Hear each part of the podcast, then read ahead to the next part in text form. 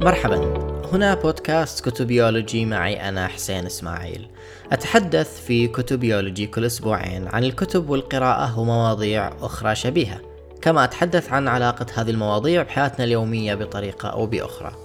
البودكاست جزء من مشروع يومياتية وامتداد للعديد من الأفكار المطروحة هناك. فلا تنسون تزوروا المدونة على www.يومياتية.com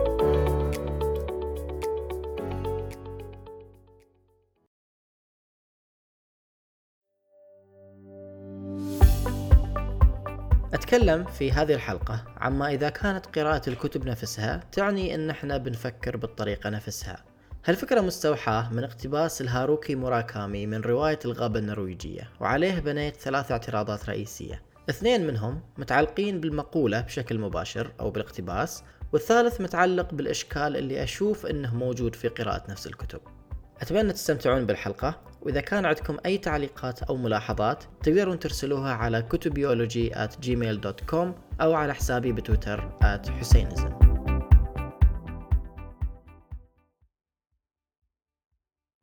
في يوم من الأيام وصلتني message على الواتساب في واحد من الجروبات اللي مسوين فيها مثقفين وما أدري وشو. وكان الاقتباس مستفز. يقول إن اكتفيت بقراءة ما يقرأه الآخرون فستفكر حتما كما يفكرون. الاقتباس أو الفكرة اللي في الاقتباس بحد ذاتها سيئة واللي زاد الوضع سوءا بالنسبة إلي هو أن صاحب الاقتباس هو هاروكي موراكامي واللي ما أحب كتاباته بصراحة. وقبل ما أتحلطم رحت دورت في جوجل عشان أتأكد أنه هو قال هذا الشيء فعلا ولا لا. وطلع أنها عبارة مقتبسة من إحدى شخصيات رواية الغابة النرويجية. في البداية قلت الله يخلف وطنشت الاقتباس وكأن شيئا لم يكن. لكن لما شفت إن أحد الأصدقاء يتبنى نفس الفكرة ويدافع عنها بشراسة حسيت إني لازم أتكلم عن الموضوع خصوصا إني صرت أحس إن الفكرة منتشرة بشكل أكبر مما تصورت في البداية اذا السؤال اللي بطرحه في هذه الحلقة هو هل قراءتنا لنفس الكتب تعني إن إحنا بنفكر بنفس الطريقة أو إن إحنا بنمتلك نفس الأفكار؟ عندي ثلاث اعتراضات أو إشكالات رئيسية على هالفكرة. الاعتراض الأول متعلق بالعلاقة بين القراءة والتفكير. يعني عن ارتباط النص المقروء بالأفكار الناتجة أو المتولدة. الاعتراض الثاني متعلق بالنزعة لممايزة الذات عن الجماعة والإشكالية الكامنة في العلاقة بين الاثنين. وهذا بيكون أوضح لما أذكر الاقتباس كاملا وأتكلم بشكل بسيط عن وجهة نظري عن الموضوع. أما الاعتراض الثالث والأخير فهو عن الخلل الحقيقي اللي اعتقد إنه موجود فيما يتعلق بقراءة الكتب نفسها بمعنى إني أعترض على ربط القراءة بالتفكير ولكن لا يعني ذلك إني أشوف إن قراءة نفس الكتب أمر بهالبساطة أو الحياد. بأتفصل في هالإشكالات في الدقائق الجاية، لكن قبل ما أسوي هذا الشيء خلني أعطيكم الاقتباس كاملا كما ورد في ترجمة سعيد الغانمي الصادرة عن المركز الثقافي العربي. إذا كنت تقرأ الكتب التي يقرأها كل شخص سواك فقط، فلن تستطيع التفكير إلا بالطريقة التي يفكر بها كل شخص سواك، وهذا يعني عالم الريفيين والسذج. بحسب الاقتباس فيه فكرتين مرتبطين ببعض. الفكرة الأولى تقول أنه إذا قرأنا نفس الكتب فإحنا بنفكر بنفس الطريقة. والفكرة الثانية تقول أن طريقة التفكير هذه مرتبطة بعالم الريفيين والسذج. بعبارة أخرى إذا قرأنا جميعا الكتب نفسها فكلنا بنفكر بنفس الطريقة الساذجة.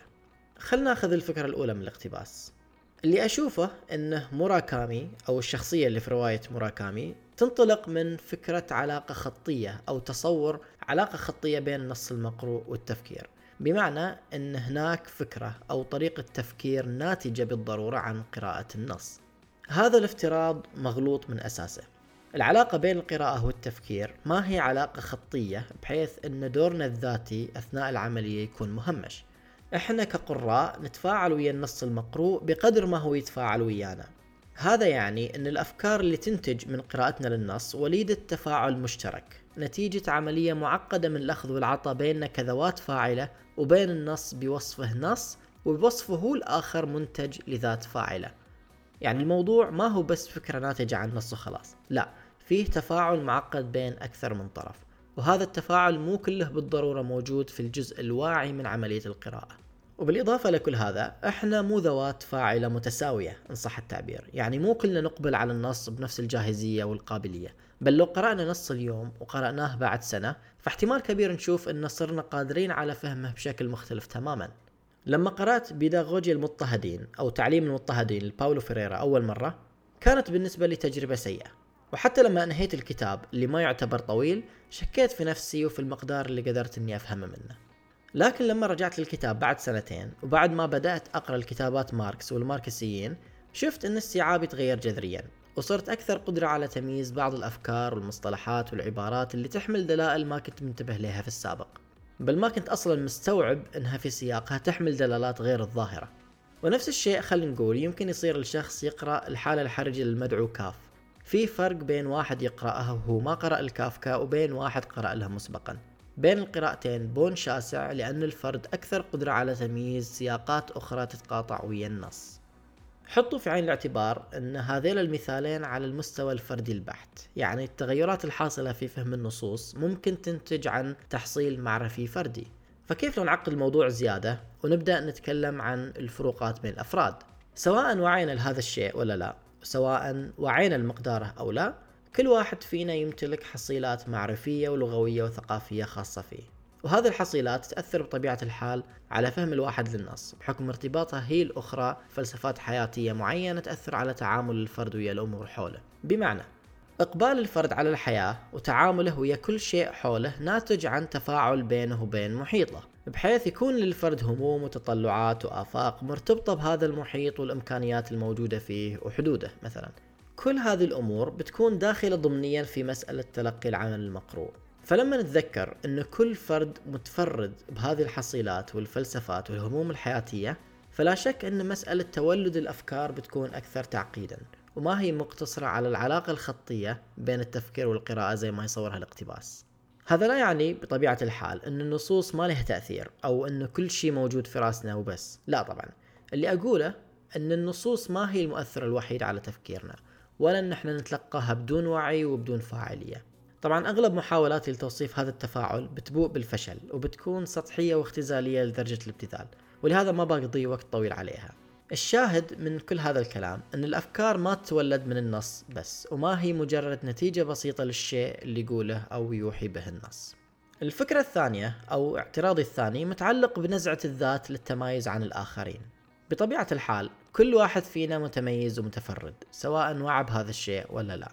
وهالحلقة ما هي وقت مناسب للخوض في تعريف الذات أو الآخر بالتفصيل. ولكن ربما من الجدير الإشارة إلى أن إحنا مو بالتمايز اللي نتخيله. إحنا مو الكائنات الفردانية اللي نوهم أنفسنا بها. وجودنا كذوات بحد ذاته مناط بوجود ما يمكن تسميته بغير ذواتنا. يعني أن تعريفنا لأنفسنا يستبطن في جوهره تعريف الشيء نعتبره خارج أنفسنا. وجودنا كذوات مرهون بوجود الآخر مرهون بوجود حدود مائزة بين ذواتنا وبين ذواتهم. عموما وش علاقة كل هذا بالاقتباس؟ بحسب اللي يقوله موراكامي أو شخصية موراكامي قراءتنا لنفس الكتب تعني تفكيرنا بنفس الطريقة وهذه الطريقة إلى حد ما تمثل عالم الريفيين والسذج. اعتراضي يكمن بشكل رئيسي في الاختزال المبالغ فيه لمسألة التمايز الفكري عن الآخرين. يعني كأنما مجرد قراءة كتب من نوع ثاني كفيلة بأن الواحد يفكر بطريقة مختلفة عنهم. عطفا على اللي قلته في النقطة الأولى المفروض معنى هذا الشيء يكون واضح شوي. لكن اللي بضيفه على كلامي هو التساؤل حول جوهر التفكير المختلف زي ما يطرح الاقتباس. لا أؤمن شخصيا أن النتائج المتناقضة تعني بالضرورة تباين في طريقة التفكير. يعني أن عادي اثنين يتوصلون لنتائج مختلفة تماما مع أنهم يتبنون نفس المنهجية أو نفس الأسس خلنا نقول. لكن هذه الفكرة بتكون موضوع حلقة أخرى فما بحرقها عليكم من الحين. على كل حال كل اللي بقوله إن صاحب الاقتباس ما يدري إنه هو ما يزال واقع ضمن نفس عالم الريفيين والسذج اللي هو قاعد يسخر عليه. طالما كان القارئ غير فاعل أثناء عملية القراءة وطالما اقتصرت عملية القراءة على مجرد التلقي طبيعي إن الفرد يعتقد إن قراءة كتب مختلفة كفيل بإنه يتمايز في طريقة التفكير. طبعا لا أعتقد إن من الممكن يصير في قراءة غير فاعلة بحتة أو إن القارئ يصير مجرد متلقي بدون ما يتفاعل ويا النص ولو بشكل بسيط من خلال عملية الفهم مثلا. ولكن أستخدم هالمقاربة التسطيحية لفهم الافتراضات الساذجة في الاقتباس. الشيء الأخير اللي ودي أتكلم عنه في هذه الحلقة مرتبط بما إذا كانت قراءة الكتب نفسها مسألة محايدة أو بالأحرى ما إذا كان فيه مشاكل تنبع من تداول نفس الكتب. هذه المشكلة أكبر من أني أقدر أتكلم عنها في دقائق بسيطة. وهي تتعلق بشكل رئيسي مو بالكتب بحد ذاتها ولا بنوعية الكتب بقدر ما هي جزء من خلل مرتبط بتحكيم أو تقنين موضوع معين. وهذا من الأمور اللي ما منها مفر سهل للأسف. ولازم يكون في عملية مستمرة من صياغة وإعادة صياغة هذا التقنين من أجل تجاوزه. وش يعني بالتقنين؟ بشكل بسيط هو تشكيل لائحة معينة بكتب تمثل أو يعتقد أنها تمثل موضوع أو مجال معين. مثلا لو الواحد أراد أن يقرأ في الفلسفة السياسية ففي عناوين معينة وكتاب معينين كأنما لازم يمر عليهم إذا بغى يصير ملم بالموضوع فعلا. هناك مثلا جمهورية أفلاطون سياسة أرسطو الأمير لماكيافيلي جون لوك العقد الاجتماعي لجان جاك روسو وغيرها من العناوين اللي صارت تعتبر تمثيل تاريخي لمجال الفلسفة السياسية. بعبارة أخرى صارت هذه الكتب إلى حد ما المعيار أو الأفق اللي تدور في بقية الأفكار السياسية والكتاب المختلفين وما إلى ذلك. يعني تصير أهمية بقية الأعمال مرهونة بكونها جزء من هذه السردية أو من هذا السياق إن صح التعبير. يعني إنها مجرد وسيلة لنقاط الانعطاف التاريخية. ونفس الشيء ينطبق على شخص يبغى يكون ملم بالأدب العالمي. يصير إلى حد ما كما لو أنه ملزم يقرأ الدوستوفسكي ويقرأ مئة عام من العزلة ويقرأ الفيرجينيا وولف والبحث عن الزمن الضائع وجيمس جويس وغيرهم.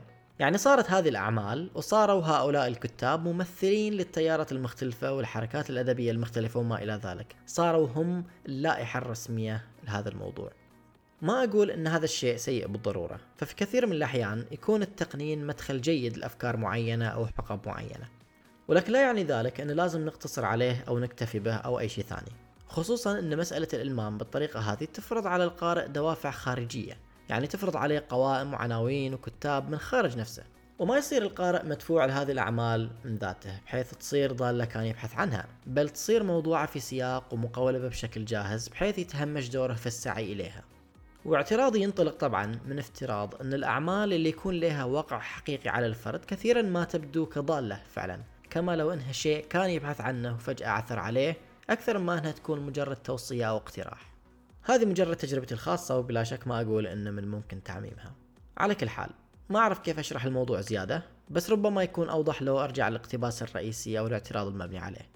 قراءة نفس الكتب أو تداويل عناوين معينة قد وأحط مليون خط تحت كلمة قد قد تؤدي إلى رسم حدود اعتباطية حد من أفق القارئ. بمعنى أن يصير عاجز عن التفكير خارج الحدود اللي رسمتها هذه الكتب والعناوين واللوائح. فبغض النظر عما إذا كان سبب اختيار كتب معينة راجع إلى تمثيل الحركات الأدبية مثلا أو قدرتها على تصوير التحولات الفكرية التاريخية أو حتى قدرتها على رصد جوهر ممتد تاريخيا. اللي يصير غالبا عملية اختزال مجحفة تختفي وراءها كتب وكتاب وعناوين أخرى قد تكون هي الأخرى جديرة بالاطلاع سوى أن اللي حط القائمة قرر أنها ما المفروض تكون جزء من هذه القائمة. فاللي أقوله أن الاقتصار على ما ينصح به أو ما هو متداول وما إلى ذلك لابد ألا يتعدى كونه خطوة مبدئية خطوة مدخلية بحيث الواحد يعرف بس وين الله حاطنه. أما المواصلة على نفس المقاربة على طول قد تشير إلى أمور أخرى ما يحتاج نتكلم فيها. هذا كل اللي بغيت أقوله في هذه الحلقة وشكرا لاستماعكم.